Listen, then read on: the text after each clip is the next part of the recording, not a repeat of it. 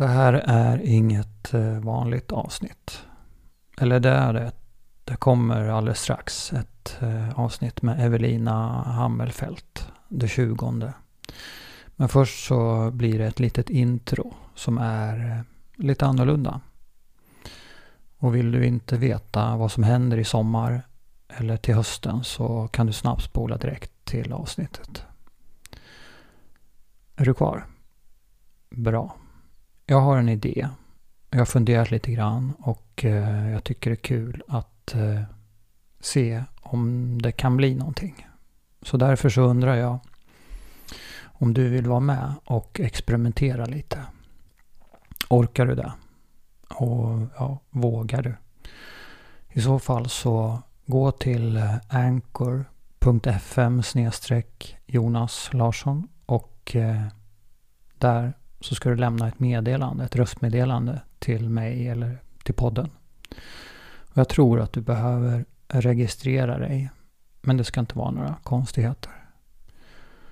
Och lyssnar du på Spotify eller Apple Podcast så finns det en länk direkt i avsnittet. Du trycker på meddelande. Du säger vem du är och berättar om du är en badkruka eller om du har tagit årets första dopp redan. Det är allt. Säg vem du är och berätta om du har badat i år eller inte. Känn ingen press. Men om du inte gör det så är risken stor att ingen annan heller orkar. Och då faller ju alltihop som ett korthus. Okej, okay, jag kanske var lite dramatisk där, men det är sant att du behöver göra något för att det ska bli något. I alla fall utav den här idén. Vad mer? Jo, det blir en säsong till efter sommaren, förmodligen. Jag säger förmodligen för att ingenting är ju hugget i sten. Och kanske får jag lite feeling så blir det någonting mer i sommar men eh, prenumerera på podden om du inte redan gör det så missar du inte om det händer någonting. En sak vet jag i alla fall.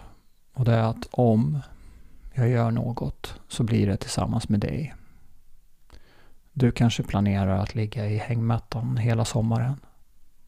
Men jag tänker att hjärnan måste ha sitt och du får faktiskt jobba lite också om jag gör det. Så Tack för att du lyssnar. Och tack till mina gäster som har varit med under säsong 1. Tack Pernilla. Du är underbar. Här kommer avsnittet med Evelina Hammelfelt.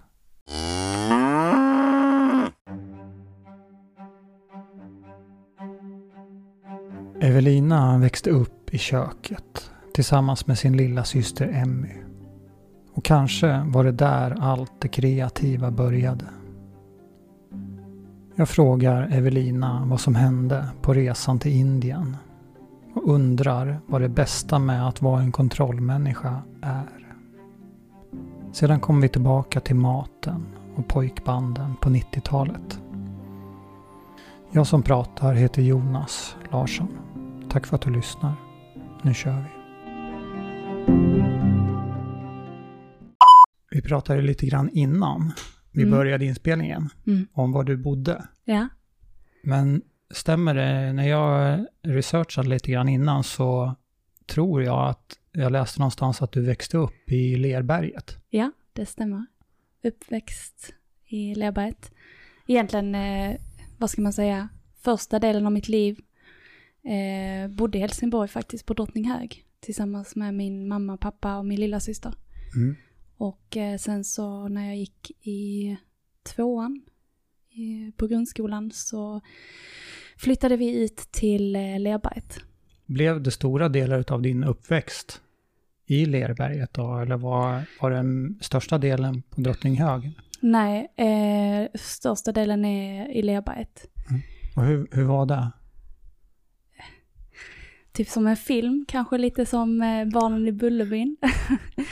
Eh, nej men jag minns den som eh, väldigt, väldigt eh, kärleksfull och eh, fridfull barndom. Lerberget har ju varit en stor del av mitt liv för att jag är uppväxt hos, även hos min eh, farmor och farfar. Vi var alltid där på sommarna när vi bodde även på Drottninghög. Mm. Så Lerberget har alltid varit en, eh, en speciell plats. Mm. I vilken, eller kan du berätta lite för de som inte vet, Mm. Var ligger Lerberget och hur, hur ser det ut? Vad är det för slags, vad säger man, bostads, inte bostadsområde, det är ju en, nej jag ska inte börja berätta vad det Nej. är, för jag, jag vet ju inte. Eh, Lerberget ligger mellan Höganäs och Helsingborg. Eh, eller egentligen mellan Viken och Höganäs. Och man kan tänka sig att först kommer Helsingborg, sen kommer Laröd, Hittarp, Domsten, Viken, Lerberget, Höganäs, Mölle. Så att där har vi hela, hela Kullabygden liksom. Mm. Så att eh, Lerberget är lite mittemellan allting. Mm. Och eh, det är ju ett eh, klassiskt eh, villaområde skulle man kunna säga i olika, olika typer av villor. Radhus, eh, enskilda villor, stora små hus. Sen så är Lerberget, vi bodde på, i östra Lerberget. Eh, och sen så finns det någonting som heter Gamla Lerberget. Och Gamla Lerberget har den här, eh, vad ska man säga, den idylliska gamla äldre hus. Eh, Men nu börjar det byggas fler och fler så här, eh, vad ska man säga, inte penthouse, men stora fina villor liksom, Ja, nere del- vid havet. Del, eller en del i alla fall moderna Exakt. hus. Mm. En del fritidsboende, men det är väl en del permanent också. Ja, ja det stämmer. Så eh, vi bodde i östra Lerberget, men fick smaka på den gamla sidan en liten del när min mamma hyrde ett hus mellan eh, när de separerade. Så då fick vi bo eh, nära havet också. Tycker du om att bada? Mm, älskar att bada. Eh, jag badar flera gånger om året oavsett årstid. Så att, och speciellt nu när vi har så nära till havet. Jag bor bara tio minuter med gång ner till Pålsjöbaden här i Helsingborg. Mm. Och det brukar jag göra minst en gång varannan vecka kanske. Mm. Och in, Mm. innan vi började spela in, Mm. så jag hade ju ingen aning om var du bodde nu. Nej. Men det visade sig att det är typ några hundra meter Ja. ifrån, ifrån där vi är just nu, där jag bor. Mm. På LinkedIn Ja. så skrev du, eh, när vi hade lite kontakt innan, Mm. så skrev du att du gärna ville vara med Ja. i, i podden. Mm. Och du skrev att eh, du tycker om den här typen av samtal. Ja. Och vill du utveckla det? lite grann? Absolut. Ehm, jag tror mycket på eh, nya möten. Eh, jag tror mycket på att bygga relationer som man kanske inte förväntar sig att göra. Eh, och det menar jag med att man har sina vänner, man har sin familj och man har kanske sin partner. Men man har kanske inte man kanske inte vågar ta eh, och göra, alltså ta kontakt med nya människor. Eh, vilket jag inte gjorde tidigare. Men jag har märkt att sen några år tillbaka när jag började liksom träffa nya människor och vågade öppna för vem jag är och för vad jag står för så blir det någonting helt annat. Det blir en det blir en magisk, eh, jag kallar det magisk för att det är svårt att sätta ord på det. För det är en eh, väldigt stark känsla som uppkommer mellan två människor som möts i kanske ett möte man kanske inte förväntar sig att möta sig i. Och eh, det är mycket som skalas bort när man träffar någon som man kanske inte förväntar sig att träffa. Um, och det, det är väldigt stort, men det är också typ det som vi människor är skapta till. Är eh, att connecta med andra människor, eh, känna tillhörighet, eh, känna att man kan hjälpa varandra och ja, men mycket, mycket av det är någonting som har kommit till mig de senaste två, två åren. Mm. Ehm, och jag tackar aldrig nej till, eh, om jag inte såklart känner det i magen att det här borde jag inte göra. Men det händer inte ofta. Ehm, Har du ändrat eller kommer du ihåg eh, hur du såg på kompisar och så? Mm. Alltså när du växte upp? Ja. För om jag själv försöker tänka, även om det var länge sedan, Mm. så just det här att som barn eller ung, Ja. eh, kompisarna, de fanns ju där. Mm. Jag hade ju mycket kompisar genom idrotten, Ja. Automatiskt. Mm. Men det var ingenting som jag i alla fall reflekterade över så jättemycket. Nej. Alltså relationer. Nej. De, kom, de sakerna kommer ju naturligt, Mm. kanske när vi blir lite äldre. Mm. Men hur, hur var det för dig då när du började, började ens tänka tanken att du är lite nyfiken på just nya möten? Mm. För det är ju ingen, egentligen så är det ingen självklarhet Nej. att vara det. Nej. Vi, vi, eller många, har i alla fall fullt upp med det vi redan har, de vi Mm. redan känner kanske. Ja. Och håller fast vid det. Nej men alltså tidigare när jag var yngre så kunde jag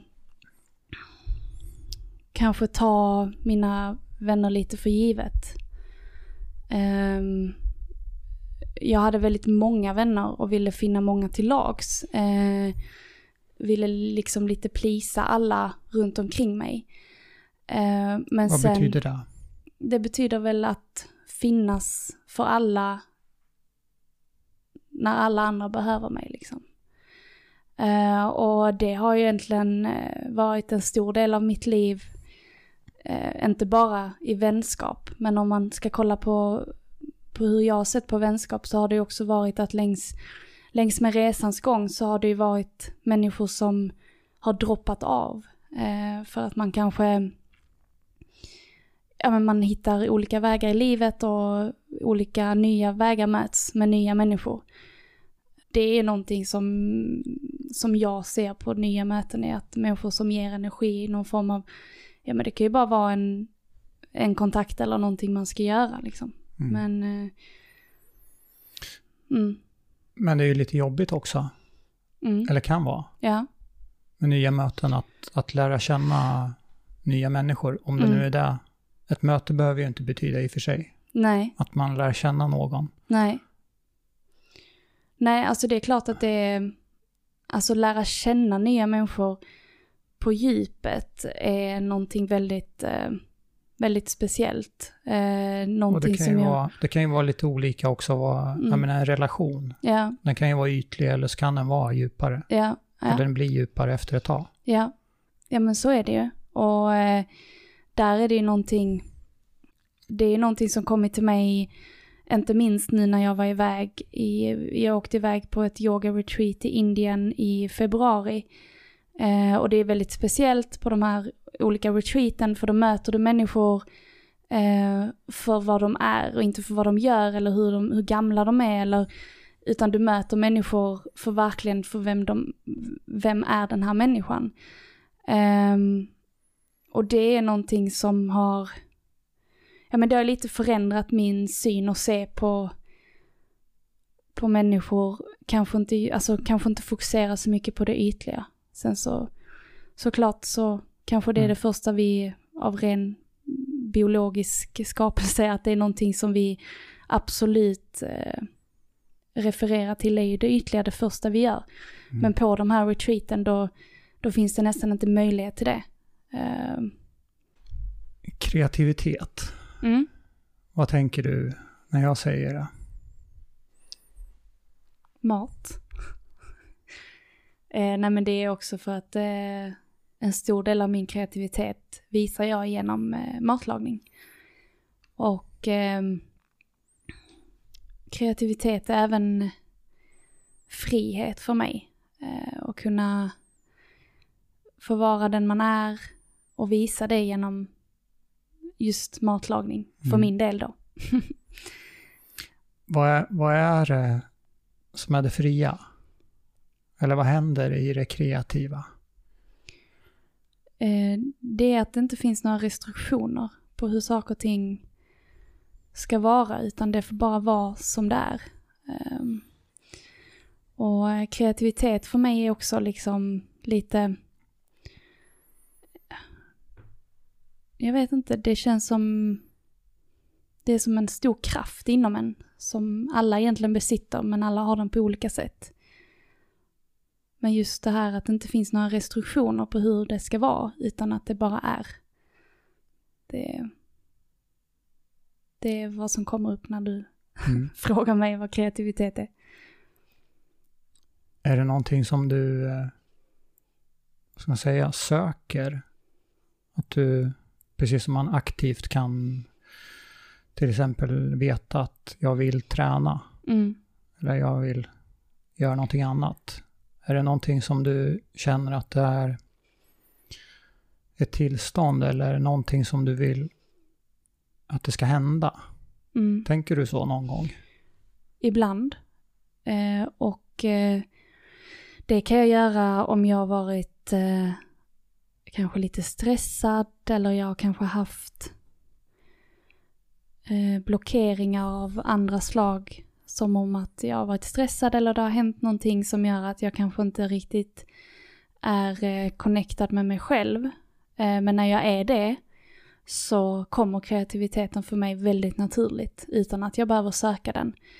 Men sen det dagliga, den dagliga hobbyn jag har kräver att jag är kreativ Mm. eh, på kanske inte, ibland kanske jag inte kan vara det av naturliga skäl. Eh, men det är då jag söker upp det. Mm. Eh, det kanske inte blir lika kreativt. Men jag brukar alltid på något sätt vända det inåt och kanske lite reflektera över det. Och sen så brukar det ändå bli på mitt sätt. Så som jag ja, vill ha det. Mm. Ja, men att gå, att gå utanför sin komfortzon, Mm, det kan ju vara lite läskigt. mm, Och någonting kreativt. ja. Eller det kan hända någonting där Ja. när vi gör det. Eller, Mm. och, och um, hur ser du på, på den kopplingen? Att, att våga gå utanför din komfortzon för att någonting nytt då, eller kreativt ska hända. Eh, nu rörde jag på mig när du frågade för att det är någonting som jag är just nu. Någonting som Eh, skaver. Mm, inte Eller- skaver, men det har varit en eh, eh, förändringsprocess hos mig ganska, inte länge, men ungefär under ett års tid. Ehm, och tog ett ganska så stort beslut i februari som gjorde att jag hamnade utanför min comfort zone. Mm. Ehm, vilket har varit idag fantastiskt, men då ångestfyllt och eh, många frågor som kommer upp till en, vem är jag utan, utan det här? Och idag ser ingen dag likadan ut för mig. Och jag är lyckligare än någonsin. Ehm, Kan, kan du komma ihåg att du då tänkte att du just skulle skapa någonting? Ja, det... Jag har alltid varit väldigt bra på att visualisera och eh, manifestera drömmar och min kreativitet. Så för ungefär ett och ett halvt år sedan så gjorde jag en form av moodboard eller vad man ska säga och det är liksom där du kanske har ett jättestort, i mitt fall då så hade jag ett jättestort papper eh, massvis med olika färger, eh, färgglada pennor. Eh, och det var verkligen eh, efter en eh, stund jag hade mediterat så kom väldigt mycket till mig under den eh, meditationen och efter det så skrev jag upp väldigt mycket och målade på det här stora pappret och för mig så, och så, så sparade jag det pappret och eh, det har egentligen alltid varit med mig Plockar du fram sen det dess. ibland? Eller har, har Ja, du plockat fram det? Alltså just nu har jag faktiskt, eh, jag gjorde mig av med det och sen skapade jag ett nytt. För att jag hamnade, jag uppnådde det jag hade gjort på det pappret. Och för mig är det så här att när jag gjort det så vill jag lite göra mig av med det gamla och skapa nytt. Mm. När, man, när man skapar någonting så, så kan, kan man ju vilja ha kontroll Mm, på saker och ting. mm, Det kan ju gälla egentligen en massa olika områden ja, i livet. ja, Att vilja ha kontroll. mm, Men tror du att det kan hindra oss ifrån att vara kreativa? Nej, det tror jag inte. Um, det beror på också, alltså jo, man är kontrollerande liksom. Om man inte låter sig själv, vad ska man säga? om man inte låter sig själv eh, vara kreativ under en viss, när du behöver vara kreativ. Det, Mm. Och du kanske liksom kontrollerar det, då tror jag absolut det kan hämma. Eh, Men jag tror inte att du som kontrollerande person hämmar din kreativitet, det tror jag inte.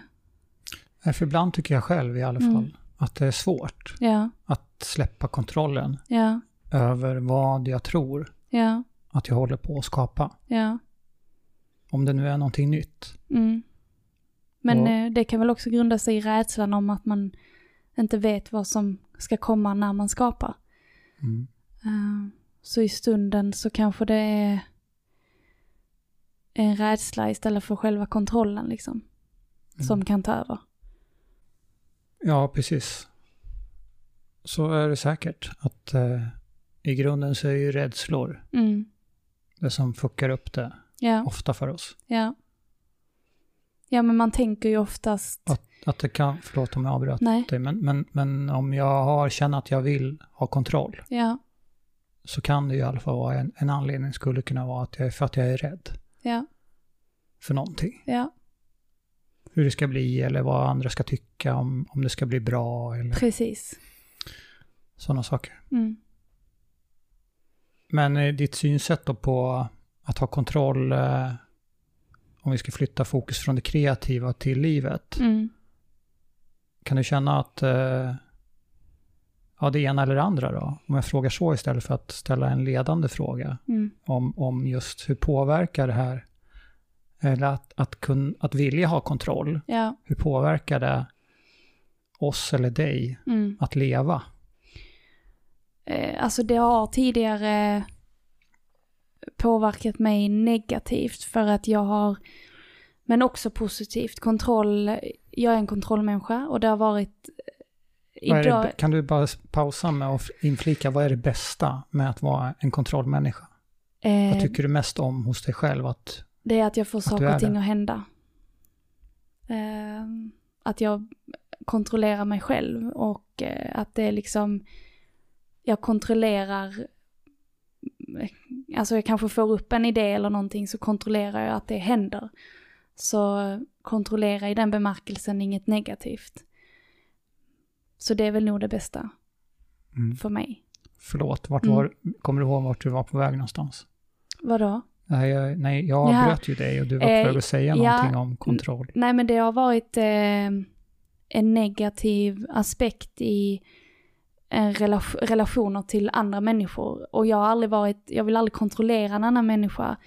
Men ibland så har jag svårt att eh, inte acceptera att det kanske inte alltid blir som jag vill. Jag känner mig ju igen. Ja, och eh, det har väl varit kanske inte en, den charmigaste egenskapen hos mig. Men jag är väldigt medveten om det. Eh, Så idag så finns det inte så mycket, vad ska man säga, kontroll om att det, ibland blir det ju bara inte som man vill. och man kan inte kontrollera det. Eh, Men kan du inte också tänka ibland att det är en balans mellan att, jag menar du också har ju en bild av vad, vad du tycker är viktigt eller mm, vad du behöver. ja, Sen ska det ju där någonstans synkas med kanske en kompis mm, eller någon som man ska göra någonting tillsammans med. ja, Så att eh, å ena sidan kanske det ibland leder till att vi vill att ska, Ja. någonting ska vara på ett speciellt sätt. Och det kanske, precis som du säger, det är inte så charmigt. nej, Men samtidigt så en del i att, att vi ska vara sanna mot oss själva, det är Ja. att nej, men det där tycker inte jag är roligt. nej. Alltså det blir... eh, Men där är det ju viktigt att kanske uttrycka sin sanning, vad som är viktigt för dig och sen Mm. så tillåta den personen eller den relationen du har med den personen att uttrycka sin sanning. Och sen så, Ja, det behöver ju inte vara något fel. nej, eh, och man behöver ju inte, absolut inte ta det personligt och man behöver ju inte, det behöver oftast inte vara någonting märkvärdigt med det, utan det är bara så det är. Och så tror jag vi alla funkar ju så. Alla, alla behöver ju olika... Alla behöver ju olika Mm. behov. Alla har ju olika behov liksom. Och jag tror det är viktigt att man, man inte är rädd för att säga det. Jag tänkte vi skulle prata lite mer om mat Ja, lite senare. Men, absolut. men har du identifierat när du, när är du som mest eh, kreativ? Ehm, jag är som mest kreativ när jag... Alltså det är så olika för mig. Ehm, jag vet inte när jag är mest kreativ utan det, det går i vågor. Ehm, det kan gå från dag till dag och det kan vara tomt eh, några dagar och sen kan det komma jättemycket kreativitet. Nej, jag vet inte exakt. Hur Ehm, känns det då när du får lite feeling? Eh, jag känner mig, eh, vad ska man säga, odödlig. jag känner verkligen en väldigt eh, stark kraft inom mig att jag kan göra vad som helst. Det finns ingenting som kan stoppa mig. Eh, och jag är inte rädd för någonting. Eh, inte alls. Så Har du hittat något sätt att, eh, vad ska man säga, samla den känslan på burk? eh, jag skriver. Eh, och det Vad var kan det som gjorde så... att du, att du började skriva?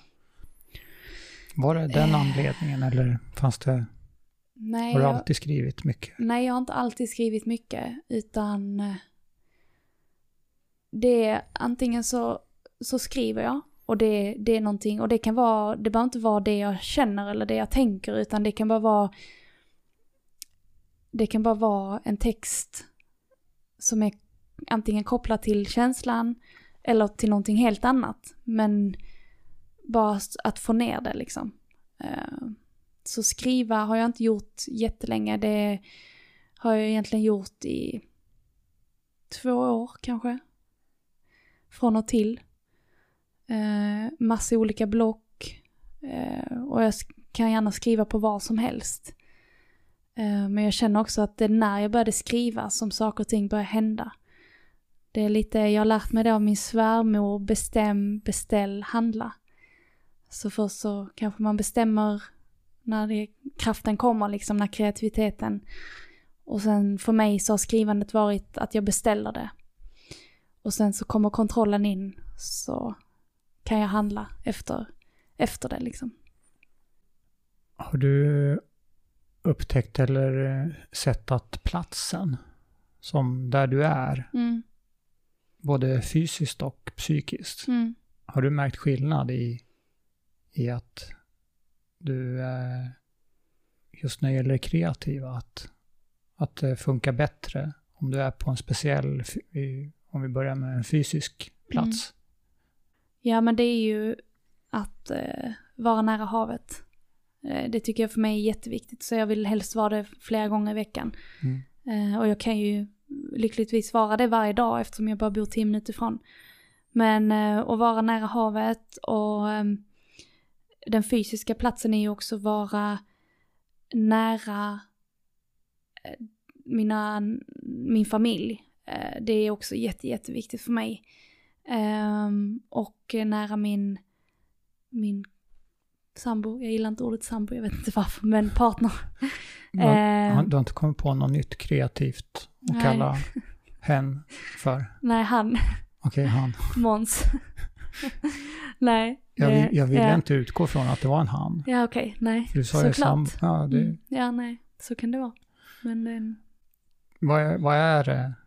Alltså jag älskar själv havet. Mm, Men ibland är det så här som att vissa saker, som att vi, in, eller vi tror att vi vet. ja, Men jag har ingen aning om vad det är som gör att havet är så viktigt för dig. nej.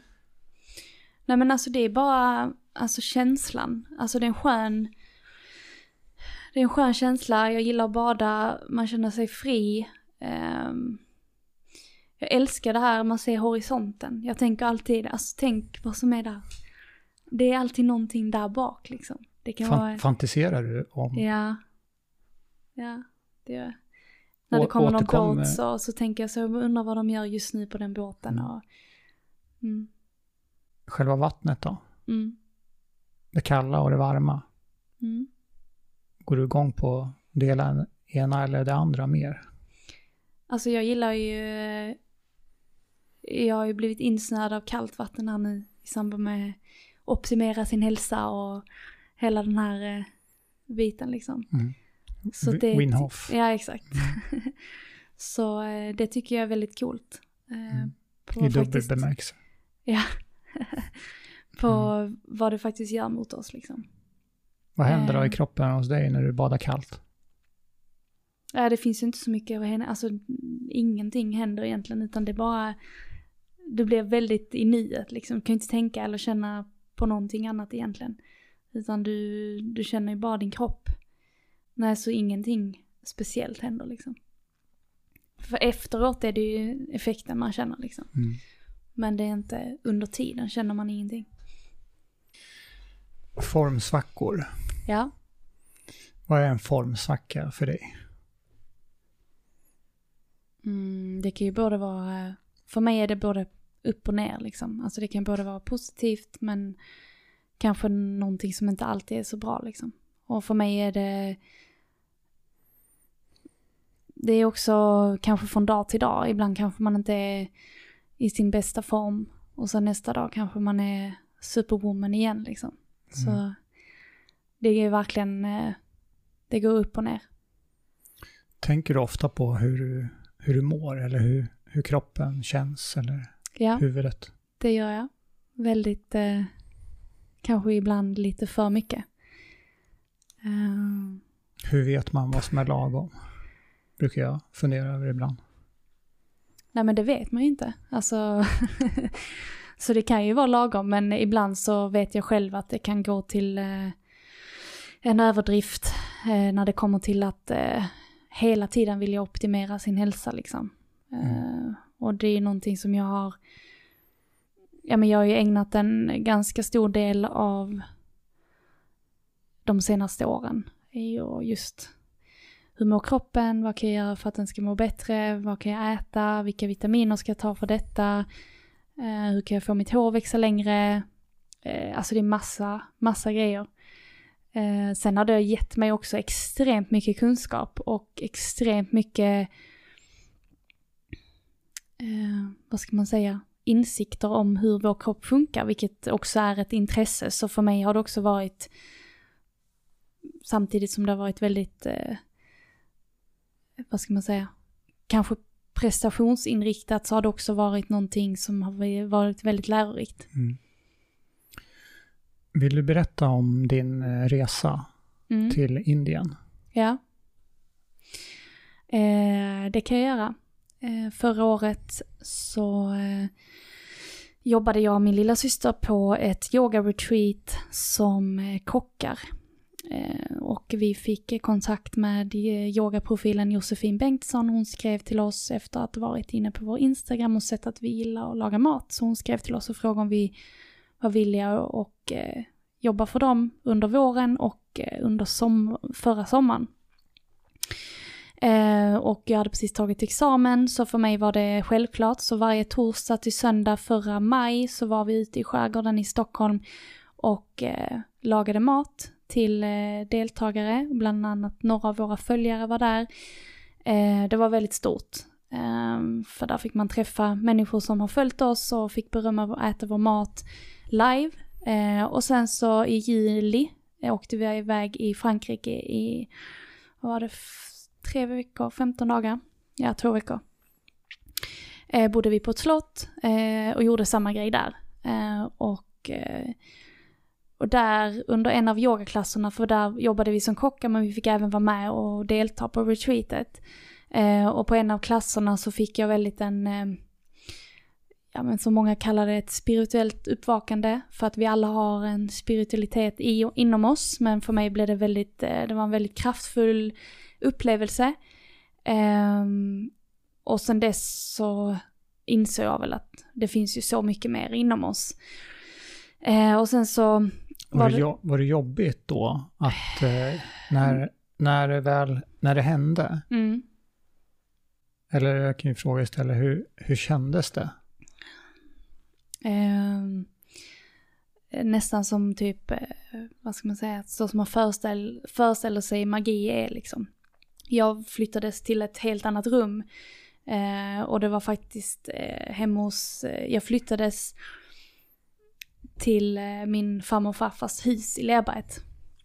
Eh, det var jätte, jätte, jättekraftfullt eh, och jag kunde se i alla de här rummen hos min farmor och farfar eh, var mycket av min kreativitet och mycket av mina val i livet har kommit ifrån.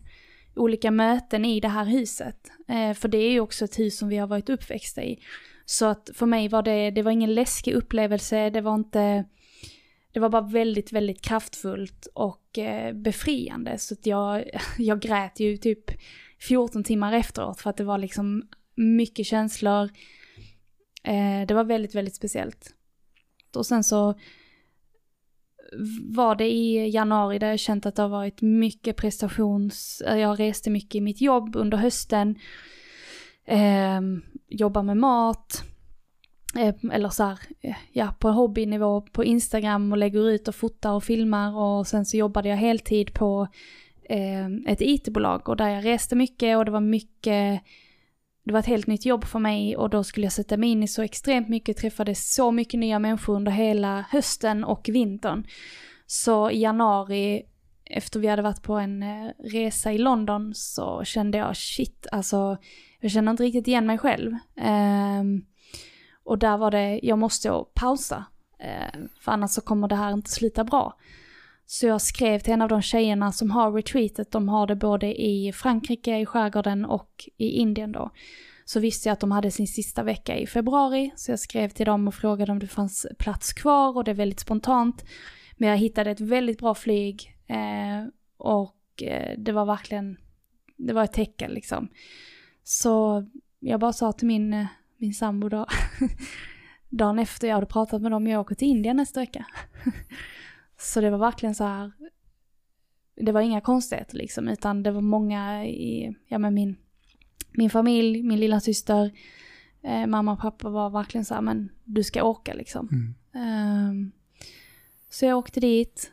Uh, nu i efterhand vet jag inte om jag var i ett bra tillstånd för att resa själv. Jag har aldrig haft problem med att resa själv och vara med mig själv och jag är väldigt bekväm med det.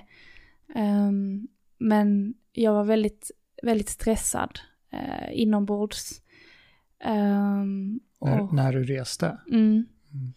Så det, det var svårt för mig att landa. Jag ska också tillägga att den här Indienresan var också bara under åtta dagar och resa till Indien för bara vara där i åtta dagar det är också väldigt intensivt. Um, men så här i efterhand, det var ju också det bästa som jag har gjort för att det är också det som fick mig att reflektera och eh, och landa där jag är idag liksom. Om du ska försöka sätta lite flera ord mm. på det. Mm. Eh, gav det dig nya perspektiv eller såg du på saker och ting annorlunda? Eller vad var det som, vad var det som hände med dina tankar och, och när du var eh, där? Ja, nej, alltså det var ju mötet med alla människor och under de här retreat-dagarna då Eh, så fick vi göra olika övningar i form av, eh, ja men det var andning, meditation och eh, jätte, jättespeciella tekniker för att landa i kroppen. Ehm, och det var ju egentligen där som jag insåg att det som hände hos mig förra sommaren eh, med de här insikterna jag fick på det här, på det yoga-retreatet, det var ju de jag egentligen skulle lyssna på. Så det, det fick mig att inse att när jag var i Indien så hade jag egentligen, jag hade egentligen svikit mig själv. Jag hade inte följt min magkänsla. Eh, och det blev väldigt starkt för mig när jag var där. Eh, så det var ju verkligen en insikt om att följ magkänslan nu. Nu, är det, nu ger jag dig en chans till. Att lyssna. att lyssna. Eh, och nu är det dags för dig att ta det steget. Och det blev... Eh, nej men det har ju varit livsavgörande för mig liksom. Men det här för, första resan då? Ja. Till Indien? Mm. Eller det var ju, jag har ju bara gjort en resa till Indien. Men Frankrike menade du? Ja, Frankrike, förlåt. Ja, ja. Den första menade jag. Ja, ja Frankrike var den till ja. Eh, Den eh, då, Ja. eh, hur mådde du då när du åkte iväg på den? Hur var du i, i vad ska man säga, i din, I, i din hjärna eller ja. sinne? Tyckte du att livet var på plats då? Att, eh, ja men delvis. Eh, jag, jag var inte så, det är så sjukt men den första veckan jag var där så var jag väldigt så här, vi är här för att jobba, vi ska inte, jag förstod inte riktigt det här med att liksom det spirituella på den nivån som jag har, alltså för jag har yogat och mediterat men jag har aldrig riktigt mött den känslan som jag gjorde under den här klassen. Eh, så första veckan så var det väldigt så här, ja men det, vi är här för att jobba. Så för mig var det också så här, jag var på, jag tyckte jag var mig själv. Eh, jag tyckte att jag mådde bra liksom, för att vi, vi är här för att jobba, vi ska ha trevligt, vi är en bra semester. Men efter, det var nog efter resan som jag insåg att shit, det finns mycket mer i livet och man kan leva sitt liv på så många olika sätt. Jag har alltid velat ha det på mitt sätt och kanske inte alltid bearbetat saker och ting som har hänt i livet.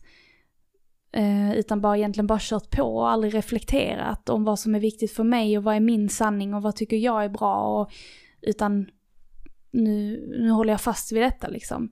men var Så du att, eh, medveten om att, att du var högpresterande? Eller att du, var, att du hade sånt mycket fokus på att prestera?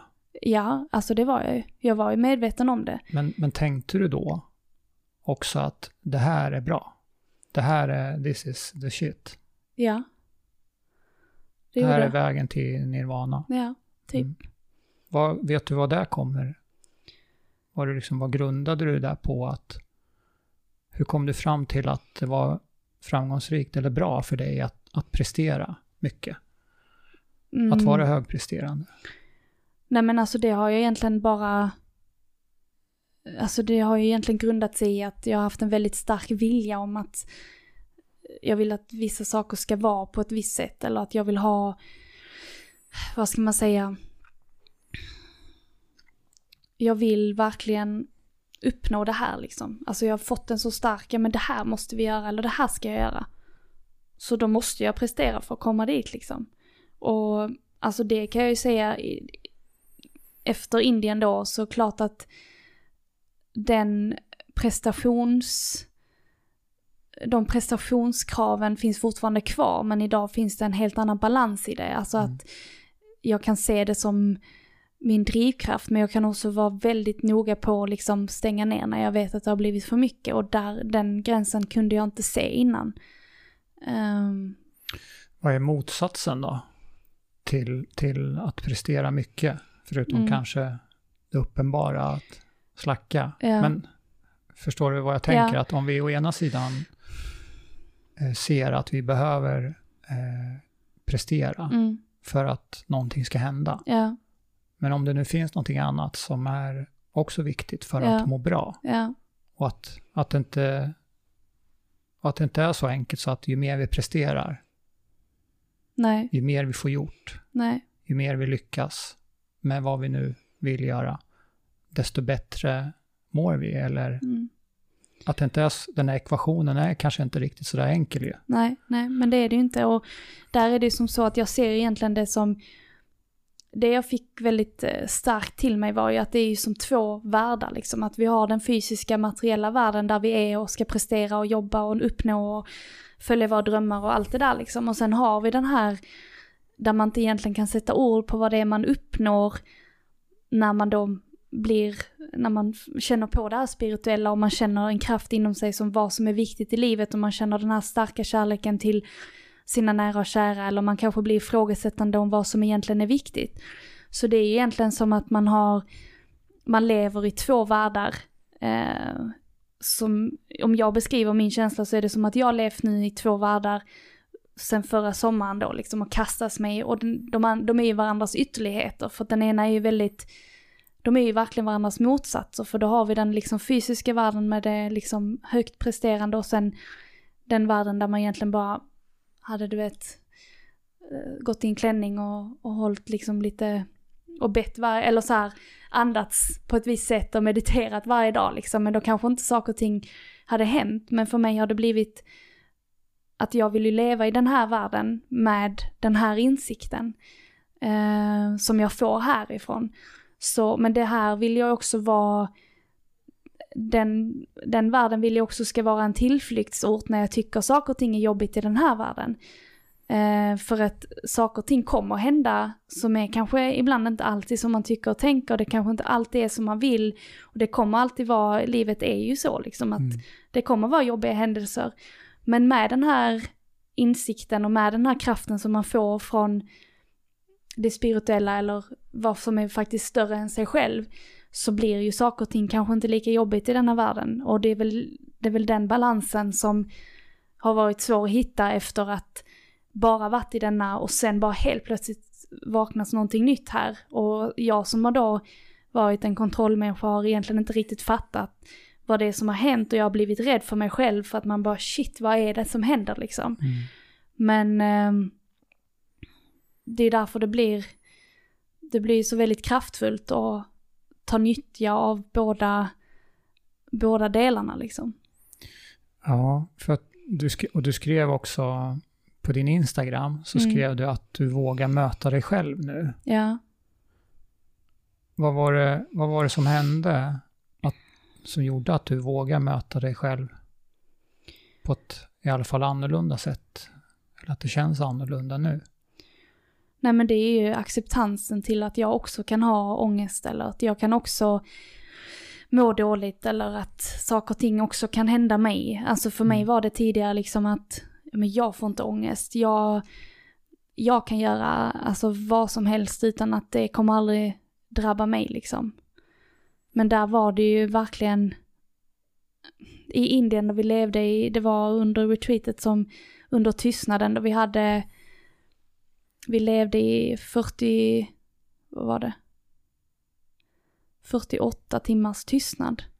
Där vi inte hade mobil, vi fick inte prata med varandra, alltså det var en, ingenting. Och då var vi bara med oss själva. Och där var det, där kom då väldigt mycket till mig att ja men där finns både ett mörker men där finns ett ljus inom dig liksom. Eh, och möt båda två. Du får liksom bara ut med det och, och bara konfrontera det liksom att nu, nu finns det där liksom. Och jag har aldrig känt så. Eh, för att jag, alltså jag har kanske inte varit med om någonting väldigt traumatiskt utan jag har haft det väldigt privilegierat i mitt liv om jag rent liksom så. Det kan jag säga liksom. Men sen såklart har det hänt händelser i mitt liv som kanske inte alltid har varit bra. Men det har aldrig fått mig att, att få den här ångesten liksom, mm. som jag har känt på. Vi har ju snuddat vid eh, eh, din och din systers och din matlagning. Ja. Food Geeks. Ja. Berätta. Jag vill, jag vill höra lite mer om det. Ja. Hur, hur började det? Eh, det började hemma i Lerberget. Vi hade... När, när är vi nu? Eh, nu är vi där jag är 10 och Emmy är 6. Eh, och vi hade så kallade matdagar eh, hemma i Lerberget där vi har fått eh, vara kreativa i köket tillsammans, eller med, utan våra föräldrar. Eh, och där fick vi egentligen eh, skapa utifrån ett barns sinne liksom. Alltså det kan inte vara det vi käkade till middag just för att alltså, det kanske inte blev så gott. eh, men vi fick vara i köket, vi fick alltid vara med i köket, vi fick alltid smaka av, vi fick ja men det var, eh, det var en stor del av när vi var små, att vi fick vara mycket i köket. Vi var mycket i köket hemma hos farmor där vi bakade och eh, ja men mat har varit en eh, stor del av min och min systers liv. Eh, och det har aldrig varit, det vill jag tillägga, för oss har det inte varit någonting negativt kopplat till mat, utan vi har alltid haft en positiv eh, approach till mat. För det har alltid varit eh, sällskapligt, det har varit familjärt, det har varit alltså vår kärlek till det liksom. Kom, ehm. kommer du ihåg om, om du själv mm. eh, kom på att eh, det här vill jag göra mer, alltså när du var riktigt liten? Alltså, eller eh, var, var det ihåg... så här att mamma eller pappa eller farmor satte dig liksom i köket och Och Nej. inte som att du var tvungen, utan mera, okej, här är den här världen, eller hur gick det till? Nej, men jag ville alltid vara med i köket. Det finns en bild på mig när jag kryper in i köket, eller nu är det ju en film i så fall när Mm. jag kryper, men jag har kommit in i köket och ställt mig upp vid diskbänken och vi hade ju, man hade så mycket konserver på 90-talet ju. Mm. Så vi hade ju så konserver eh, på bänken. Och jag kommer alltid ihåg jag liksom så här ställde mig upp och ville ha majs. Så jag var alltid med i köket. Eh, och älskade att sitta där med och bara kolla när mamma eller pappa lagar mat. Ehm, nej och sen så då för fyra, fyra och ett halvt år sedan, eh, nej det är till och med mer, fem, fem år sedan, så gjorde jag ju någon form av livsstilsförändring där jag då fick kunskap om vad maten och träning gör mot oss eh, fysiskt eh, och mentalt. Ehm, och ehm, i samband med att min sambos familj öppnade FNF på Ängelholmsvägen här i Helsingborg så blev jag mer och mer träningsintresserad och, och det blev naturligt. Eh, och då bodde, min syster bor i Stockholm idag men jag bor kvar här nere ju och vi då, för tre år sedan bodde hon här nere. Eh, och vi bestämde oss för att eh, laga mer mat tillsammans. Eh, för att det var ju det vi gjorde när vi var små. Eh, och jag och Emmy har alltid haft ett väldigt starkt band till varandra. Men under tonåren så var vi väldigt, väldigt olika och då har vi alltid gjort olika grejer liksom. Men nu är det som att maten har egentligen typ så här fört oss samman igen. Vi är fortfarande väldigt, väldigt olika men maten är vår, eh, vi brukar kalla det vår bebis liksom, att Food Geeks är vår bebis. Och det skiljer ju fy- fyra år, är det? Fyra år ja. Mm. Och det är rätt mycket i tonåren. Ja, Kan vara. exakt. Eh, så när hon var mycket. 11 och jag var 15 då var ju jag cool och hon var ju jobbig liksom. Mm. Och hon tyckte ju säkert att jag var jättekonstig liksom. Minst lika jobbig. Ja, exakt. Och, eh, på den vägen är det liksom att vi har fotat, lärt oss att redigera, spela in. ehm, och sen så lägger vi ut dagligen eh, med recept vi skapar. Emmy skapar från Stockholm, jag skapar från Skåne. Eh, ibland samlas vi. Jag har varit en hel del uppe i Stockholm. Eh, tidigare var jag ju där liksom tre, fyra gånger i månaden men tack vare vad som händer nu så har jag inte kunnat vara där. Och i, eh, i det här själva matlagningen, Ja, om det innan du blev intresserad av hälsa, som du beskrev, mm, att det tog fart för några år sedan, mm, mer. ja, Innan det, ja. var mat eh, lika med bara njutning då? Alltså att, eller bara, jag ska inte förringa Nej. det, men, men var det, var det njut, eller var det, var det en stor del var att laga och en stor del var att njuta? Eller hur? Ja, Förstår du? ja, jag fattar. Men det har alltid varit en stor del av att laga också. Eh, så det var... Vad är det, som, vad är det du gillar i själva matlagningen? I det skapandet, om man ska kalla det så. Alltså det är ju att jag brukar inte egentligen, jag brukar aldrig ha några recept och så här utgå ifrån liksom, utan jag, jag har ett hum på hur jag vill att det ska smaka och vad det är jag ska laga.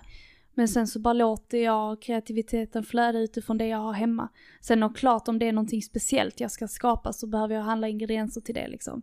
Men eh, det är just det här att bara få ha min stund, hitta vad som passar till vad och sen så laga mat utifrån det liksom. Hur ser ditt kök ut när du lagar? Mm, det är ganska stökigt. Eh, jag bor väldigt litet. Eh, och mitt kök är inte jättestort. Men eh, det är fullt med rekvisita. Alltså där vi har, jag har väldigt mycket olika typer av porslin.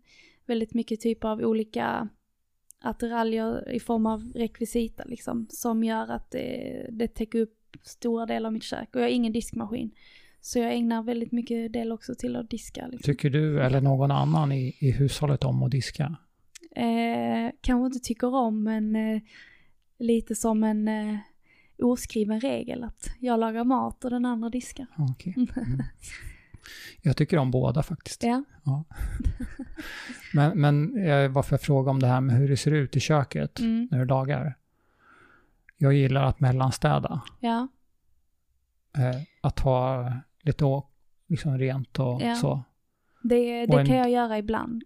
Det beror på feeling liksom. Men jag har ju förstått att eh, det där är ju, det är inte bara på det området Nej, som jag gillar att mellanstäda. nej, Men en del är ju extremt eh, överallt ja, i det här just skapandet eller Ja. kreativa. ja, Och, de, ja, och sen får, får de själva eller någon annan röja upp sen efteråt. Nej, så är det inte. Du fotar en del också. ja, Vi pratade ju kameror innan här. ja. Och eh, vad var det, kom det tack vare matlagningen? Det intresset? Eh, nej, utan eh, min mamma var butikschef när jag var liten på Expert. Eh, Ah. Och eh, jobbade specifikt med kameror och eh, framkallning. Och eh, vi var väldigt mycket i hennes butik för att det var extremt kul på 90-talet när det fanns de här, jag vet, det heter ju kameror. Alltså, eller vad Ja, ja, ja. Och sen när vi då... Ana, analoga, Analoga, det ju ja. film, Exakt. filmrulle. Exakt, och sen när vi då gick bak på lagret, tog ut filmerna, framkallningsprocessen, hänga upp bilder, de ska torka. Alltså så att kameror och typ, eh, vad ska man säga, samla minnen har varit, eh, det kommer ju från min mamma egentligen. Mm. Eh, för hon har också varit extremt duktig på att ta väldigt mycket bilder eh, på när vi var små. Så vi har ju, hemma hos henne så har vi väldigt mycket fotoalbum. eh, vilket är väldigt tacksamt idag för det är så kul att gå kul. tillbaka och kolla och få tillbaka alla minnen liksom. Mm. Gillar du att eh, nörda ner i, i andra saker också? Att, utöver mat då?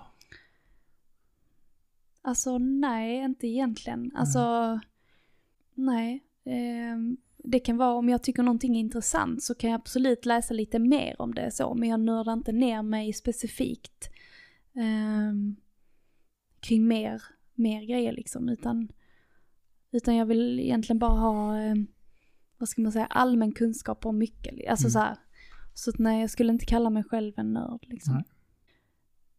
Den här perioden nu i mitt liv så har jag lite lagt prestation och vad jag ska uppnå och planer och, och så lite åt sidan och egentligen bara fokuserat på eh, att eh, ja, men, må så bra som möjligt för dagen liksom. Mm. Hur kategoriserar du in det här samtalet då? Var det som någonting att må bra för dagen eller var det någonting så här att du skulle uppnå någonting eller hade du överhuvudtaget några sådana tankar innan? Pratade om det Ja. i början men mm. Nej men det är också lite erfarenhet att sitta så här och prata och med någon man inte känner och vad det kan ge för ringar på vattnet efter det när man publicerar någonting sånt här liksom att också att man vill, det har jag tänkt på att man, man vill testa hur det är att podda liksom. Så att det är Mm. klart att jag tänkte det, det är också en av anledningarna till varför jag vill komma hit och, och göra det. jag tänkte att vi skulle varva ner lite grann. Ja, Hur varvar du helst ner? lite musik. Um, det beror på vad jag har gjort. Eh, men liksom bara lägga mig på soffan, kolla på någonting hjärndött, som jag brukar säga.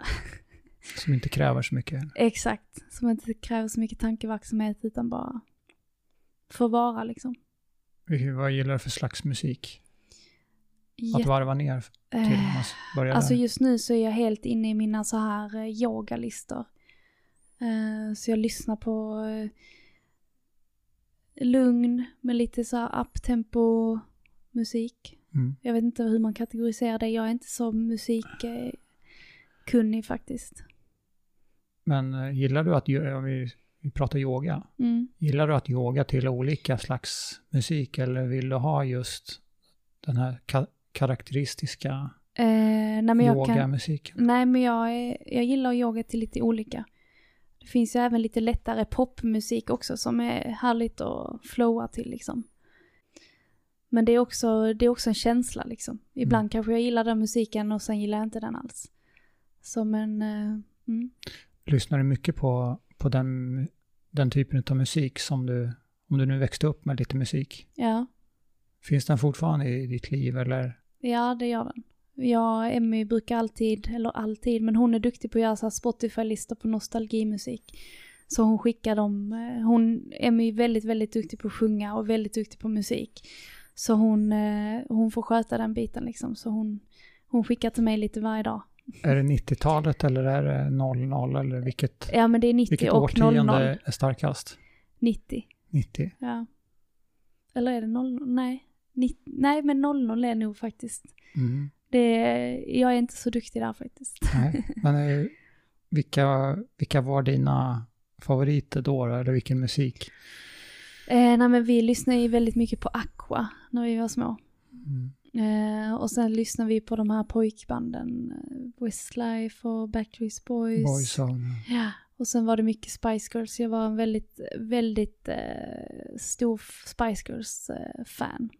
Nej, det var väl, det är väl Mm. typ det jag kommer ihåg liksom. Och sen är det också den 2005, 2006, 2007 där, där var det också en viss typ av R&B och hiphop som, eh, som vi också lyssnar väldigt mycket på. Och de finns också i de listorna. Och det, det är nice att lyssna på. Fick du någonting från mamma då, eller pappa? När det Eh, gäller musiksmak? Spelade de någon musik som ja, du lärde dig tycka om? pappa spelar ju väldigt mycket musik. Eh, han spelar ju mycket AC/DC och så. Alltså det, det är någonting, alltså det, jag lyssnar inte på det idag liksom, men det är nostalgiskt om han sätter på det. Mm. Ibland kan han ju sätta på det i bilen liksom. Nej, och han är också så, han, han dansar alltid så här fritt och väldigt så här, vad ska man säga, typ dålig version av Michael Jackson liksom. eh, så han, eh, ja men det är sånt väldigt starkt eh, moment liksom. Det är när jag och pappa och Emmy dansar i vardagsrummet och det gör vi ibland fortfarande liksom när vi har typ jul och så. Alltså det är väldigt, ja, pappa är den som är musik och dans. Mm. Ja, han gillar det. Vad är meningen med hela skiten? Eh, alltså för mig är det som så att det är en resa vi alla är på.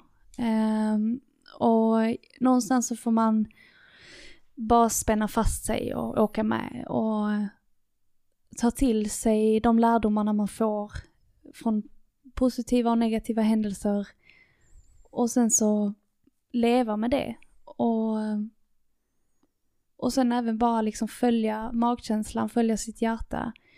Eh, det kanske är lättare sagt än gjort, men jag tror någonstans att stannar man upp någon gång lite varje dag så alla har det i oss. Alla har en intention på ett eller annat sätt. Och jag tror någonstans att det meningen är ju att du har ju den där av en anledning liksom. Det är väl lite så jag ser på det. Har vi missat någonting att prata om, tycker du, idag? Nej. Är det någonting som du skulle vilja fråga mig om? Nej. Ska vi säga så? Ja. Tack för att du ville vara med, Evelina. Tack så mycket för att jag fick vara med.